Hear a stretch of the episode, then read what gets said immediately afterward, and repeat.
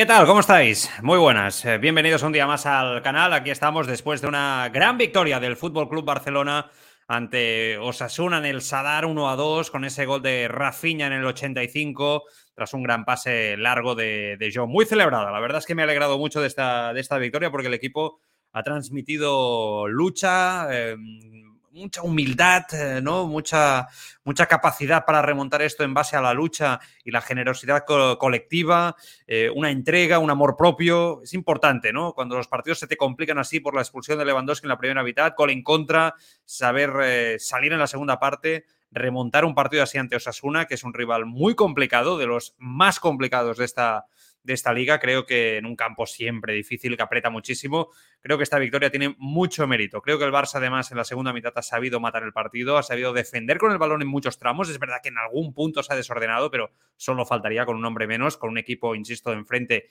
que juega muy bien ante los grandes de la, de la liga, que les complica muchísimo la vida, precisamente, el que se lo digan al Real Madrid y creo que el Barça ha dado la cara y se va con muy buenas sensaciones. ¿eh? El equipo al parón eh, de Messi y Pico por el Mundial, creo que es inmejorable, se va a ir líder. ¿Quién nos lo iba a decir? ¿Quién nos lo iba a decir hace no hace, no hace tanto, ¿no? Que, la situación nos iba a dejar con un Barça, pues líder en el parón y un Barça además, pues eh, dejando, como digo, buenas sensaciones, tanto el otro día ante la Almería como hoy ante Osasuna, de mejora futbolística y yo creo que hoy el equipo ha madurado mucho, porque cuando te encuentras con un árbitro como Gil Manzano, que es el, no sé si el peor árbitro, pero uno de los peores árbitros de, la liga, ya no solo por, por, entrar, que ya sabéis que no me gusta mucho, ¿no? Entrar en jugadas y más y menos. Es un árbitro que se le descontrola en la mayoría de partidos que pita, que normalmente tiene una gran incidencia en los resultados en los partidos que pita, que trata muy mal a los futbolistas, ¿eh? y no es nada nuevo, ¿eh? yo creo que esto es algo habitual que, llevamos viendo en él desde hace mucho tiempo y hoy claramente se le ha vuelto a descontrolar el partido y no ha ayudado nada ¿no? en esa expulsión a Lewandowski, que vamos por delante, ahora hablamos si quizás, si queréis, ¿no? de temas un poco más tácticos, pero eh, la expulsión para mí es expulsión de Lewandowski. ¿Por qué? Porque tiene una tarjeta previa eh, amarilla que no es tarjeta. Me explico, no sé si me he explicado bien. O sea, al final, cuando tenía una tarjeta amarilla, para mí es expulsión. Está bien enseñada la segunda. El problema es que la primera no está bien eh, eh, enseñada para mí, ¿no? La primera de Lewandowski.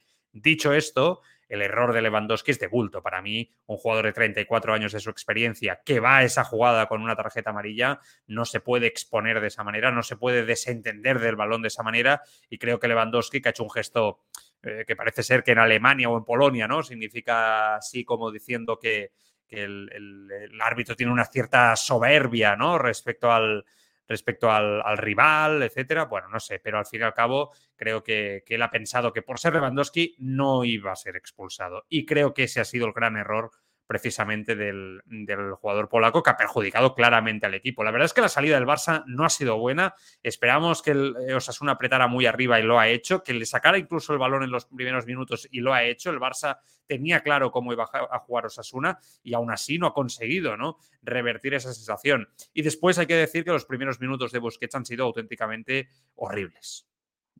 Horribles. Horribles a todos los niveles. Ha perdido balones impropios de un jugador de un mediocentro del Fútbol Club Barcelona. El Barça no tenía el balón y aquello que decimos siempre, cuando el Barça no tiene el balón, Busquets sufre una auténtica barbaridad. Antes, hacía años, mucho. En los últimos 3-4 años es una barbaridad cómo se le ven todas las costuras como futbolista a Sergio Busquets en, partidos como este. Eh, me preocupa mucho que, porque creo que es algo bastante habitual ya este año, y cuando el equipo se descompone o sufre, Busquets queda muy retratado y es un plus en la negatividad para perjudicar al equipo. Llega tarde, no está atento, sufre mucho ante la presión, físicamente yo, yo creo que ha bajado aún un poquito más un peldaño y el equipo, pues insisto, sufre. Después el equipo cuando recupera balón y mejora con el balón, Busquets ya no sale tan retratado, ¿no? Y evidentemente se encuentra más cómodo en ese fútbol y lo hace bien, porque evidentemente eh, ahí Busquets es un especialista y prácticamente el mejor mediocentro de la historia, ¿no? Se puede decir, jugando en este fútbol seguro, ¿no? Pero bueno, que hoy así ha sido el gran culpable de que Osasuna consiguiera hacer daño, porque es verdad que el resto de jugadores del Barça parece que el cuerpo técnico había trabajado muy bien aquello de la pérdida, ¿no? Ante la presión alta, alta del, de Osasuna, no intentaban sacar el balón eh, jugado desde atrás ante esa presión alta, sabían perfectamente que Osasuna les iba a hacer daño, les iba a intentar eh, precisamente ¿no? presionar o hacer daño o penalizar en, esas pérdidas de balón en línea tres cuartos y Busquets, pues bueno, pues por lo que sea, intentaba hacer un pasito de más, un toque de más, eh, a veces hay que enviar el balón bien lejos y que el rival construya porque te está acechando y sobre todo en esos primeros minutos donde Osasuna físicamente es superior a ti, está mucho mejor que tú y te va a asediar de una manera en la que vas a sufrir, ¿no? Yo insisto, Marcos Alonso tenía la lección bien aprendida, el propio Valde, bueno, quizás Jordi Alba un poquito menos, pero, pero bueno, ahí se ha visto ¿no? que Busquets estaba muy incómodo. La primera mitad ha sido una mitad de sufrimiento donde Osasuna ha podido hacer más de, más de un gol. Ha tenido oportunidades claras. El Barça ha sabido sufrir, recomponerse. Y es verdad que con ese 11 que ha sacado Xavi, ¿no? Con Ter Stegen, con, con Valde en el lateral derecho, pareja de centrales con Christensen en la derecha, con Marcos Alonso repitiendo en, en la parte izquierda y con Jordi Alba eh, como lateral, con Busquets, con De Jong y Pedri en la defensa, Ferran Torres, Lewandowski y Dembélé arriba. Este ha sido el 11 que, la verdad es que la segunda parte, ya sin Lewandowski, Ferran Torres ha ido mucho más por el centro y el Barça se ha encontrado cómodo. O sea, ha sabido entender lo que merecía el partido, entender que Osasuna iba a dudar, porque es Osasuna, no es, con todos los respetos, ¿eh? el Bayern de Múnich, por lo tanto, a Osasuna un 1-0 ante el Barça le va a ir bien, por lo tanto, seguramente no te va a ir a buscar tan arriba. Efectivamente, eso ha pasado. Y a partir de aquí, insisto, el Barça ha sabido leer muy bien, entender perfectamente que debía tener la paciencia, pausar el partido, mucha circulación, defenderse con balón e intentar acelerar en esos metros finales, buscando el tercer hombre, atacando los cuadrados y la verdad es que lo ha hecho muy bien. Una jugada, como entendíamos, ¿no? Muy buena de Jordi Alba, donde por banda izquierda al final un rebote, Pedri lo ha hecho muy bien y, ahí marcando, ¿no? Eh, marcando ese gol del empate, a partir de ahí el, el empate, el Barça yo creo que en muchos tramos del partido la lectura de Xavi y del equipo ha sido con madurez. Y yo creo que es la primera vez este año que veo al Barça como conjunto pensar todos al unísono, ¿no? Eh, pensar todos como conjunto, como equipo, de una forma colectiva respecto a lo que merecía o necesitaba el partido, ¿verdad? Y lo celebro mucho porque el partido necesitaba pausa, necesitaba con el 1-1 tener paciencia y esperar esa ocasión, que quizá iba a llegar o quizá no iba a llegar, ¿no? Y con los cambios pertinentes desde el banco, con las alternativas que tiene el equipo, que son muchas, a diferencia del año pasado.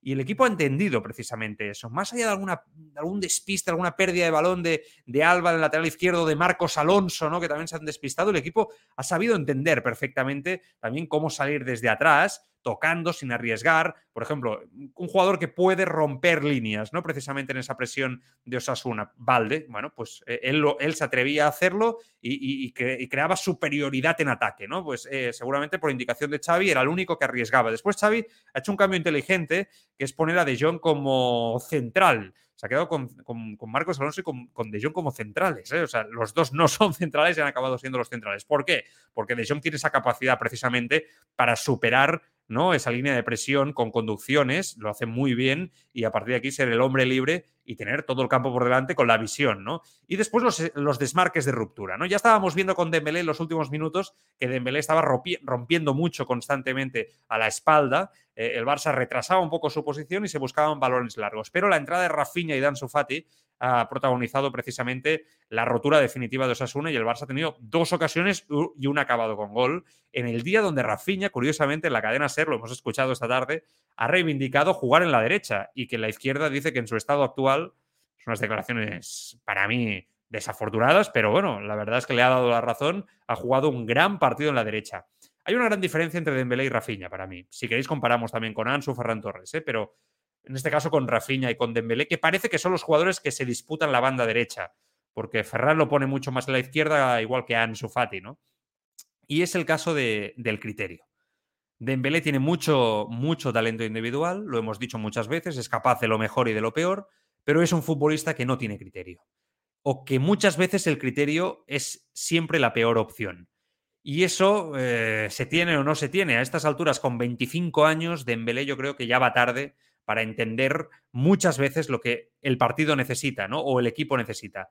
Y siempre tiene esa pérdida absurda que perjudica al equipo, ¿no? Y, y Rafinha, en cambio, en pocos minutos que ha jugado ya demuestra que tiene mucho más criterio, ¿no? Después, bueno, pues sí, eh, una gran ruptura, ¿no? Eh, que lo ha hecho muy bien, jugando al límite del fuera de juego en la línea y marcando un gol muy bonito de cabeza por eh, encima del portero, que es clavado al gol que marcó con Brasil hace un mes y poco, ¿no? En el Parque de los Príncipes, mirarlo, buscarlo, yo lo he colgado en mis redes sociales, es igual al gol que clavó eh, ese día, pues eh, el primero que ante, ante Túnez, creo que jugaba ese día, fue el 1-0, creo que marcaron cinco goles eh, Brasil, si no me equivoco, pues igual, clavado. Una gran pasada de De Jong y ojo a este recurso, entre comillas, del Barça de balones largos a los extremos para marcar. Se vio el otro día ante el Almería, en ese caso fue Dembélé a la espalda del lateral, hoy es Rafinha el que a la espalda del central consigue marcar un gol, además por arriba de vaselina, entre comillas,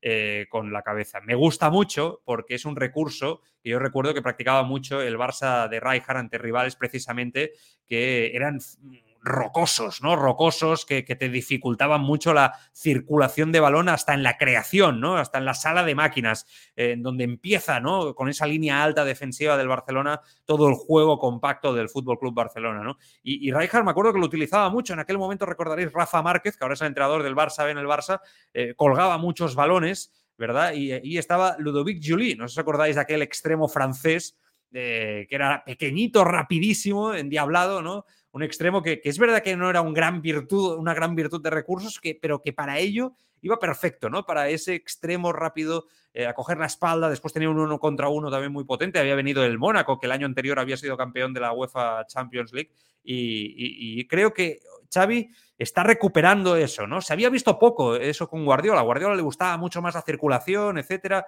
Yo creo que el Barça tiene esa circulación, pero lo que hemos dicho desde el principio de temporada, ¿no? Juego posicional, pero muchas veces si hay que tener alternativas, ¿no? Eh, es bueno que, el equipo demuestre precisamente que sabe hacer daño de otras maneras, ¿no? Y es el segundo día que vemos ese recurso táctico y me ha gustado, me ha gustado mucho. Eh, nombres propios que, vamos a decir eh, un poquito de, del Barça, porque creo que hoy De Jong ha hecho muy buen partido desde el centro del campo pero también atrás, ¿no? Ha sabido interpretar perfectamente lo que ha pedido su entrenador. No es fácil cuando tú eres un centrocampista y un día juegas de interior, un, día juegas de medio centro, que no lo hemos vuelto a ver ahí, pero cuando había jugado lo había hecho muy bien. Y otro día, eh, ahora acabas jugando de central, ¿no? Yo creo que los grandes jugadores son polivalentes y los entrenadores acostumbran a valorarlo mucho. Y después, para mí, el otro gran partido ha sido el de Ferran Torres.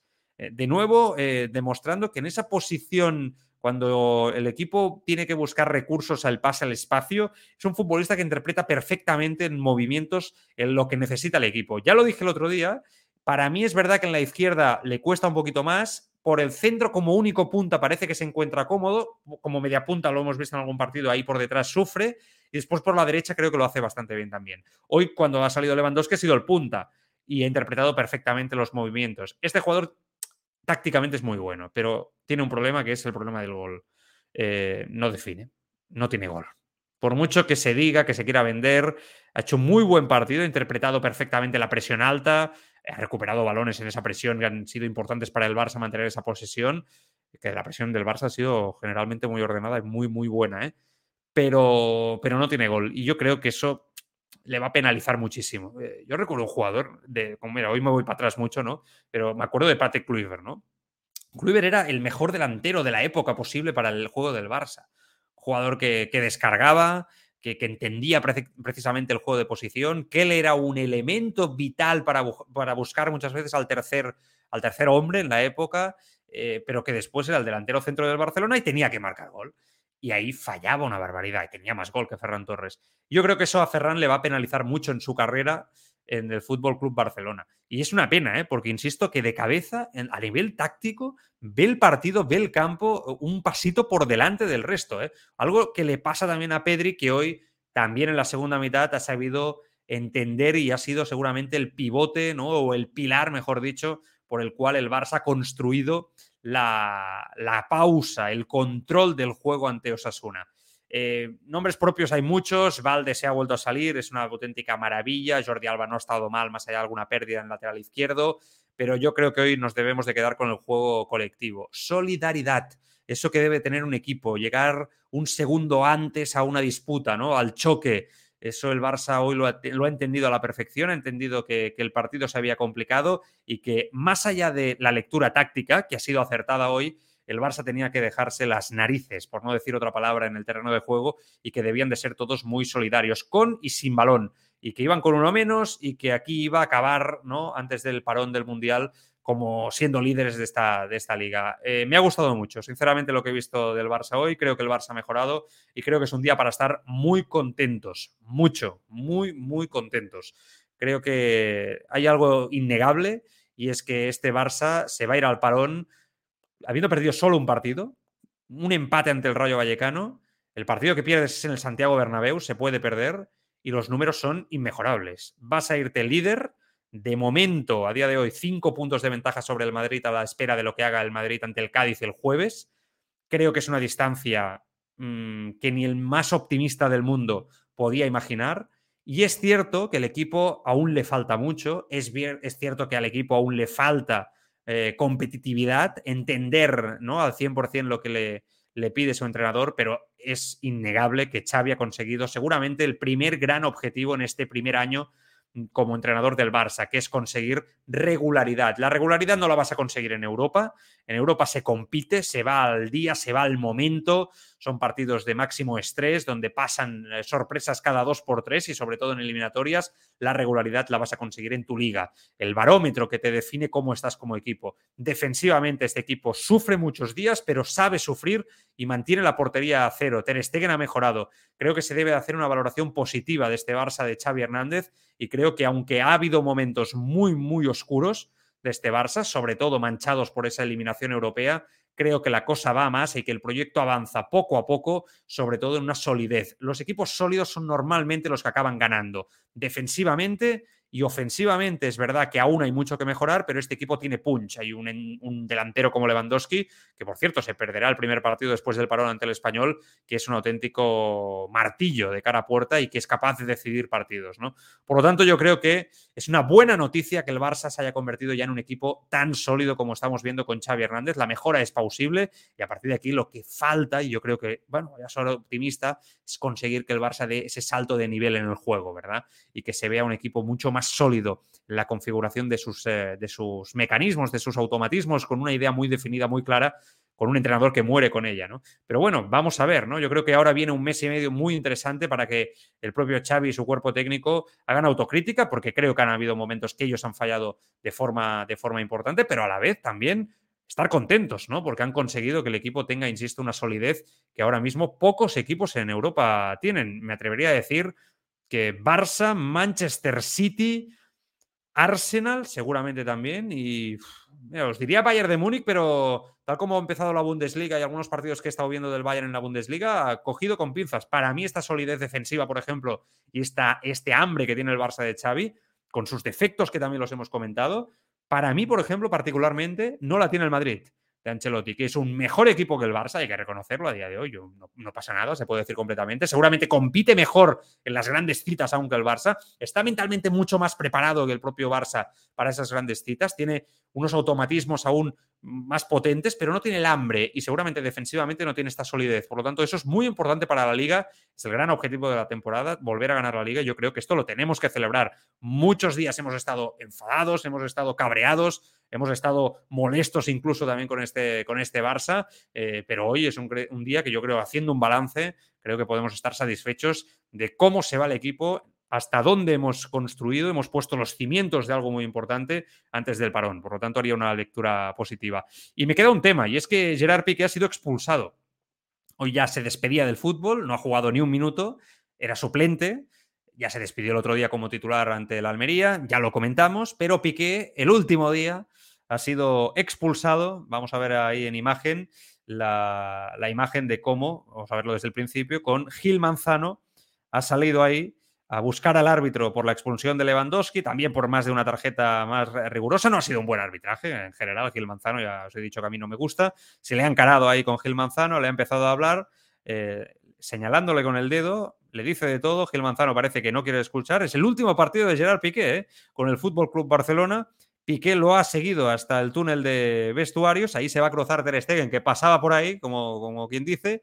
Y lo persigue, ya veis, a, Gil Manzano. Ya tenían, ya habían tenido sus más y sus menos en su momento. Recordad que Piqué piensa que todos los árbitros son madridistas de lejos y bueno, esas, ha sido, esas han sido las imágenes. Poco después lo ha, acabado, lo ha acabado expulsando en el túnel de vestuarios y ya no ha estado en el banquillo en la segunda parte y como decimos, pues eh, Piqué ha sido expulsado en su último jugador de como último en su último día como jugador del Barça.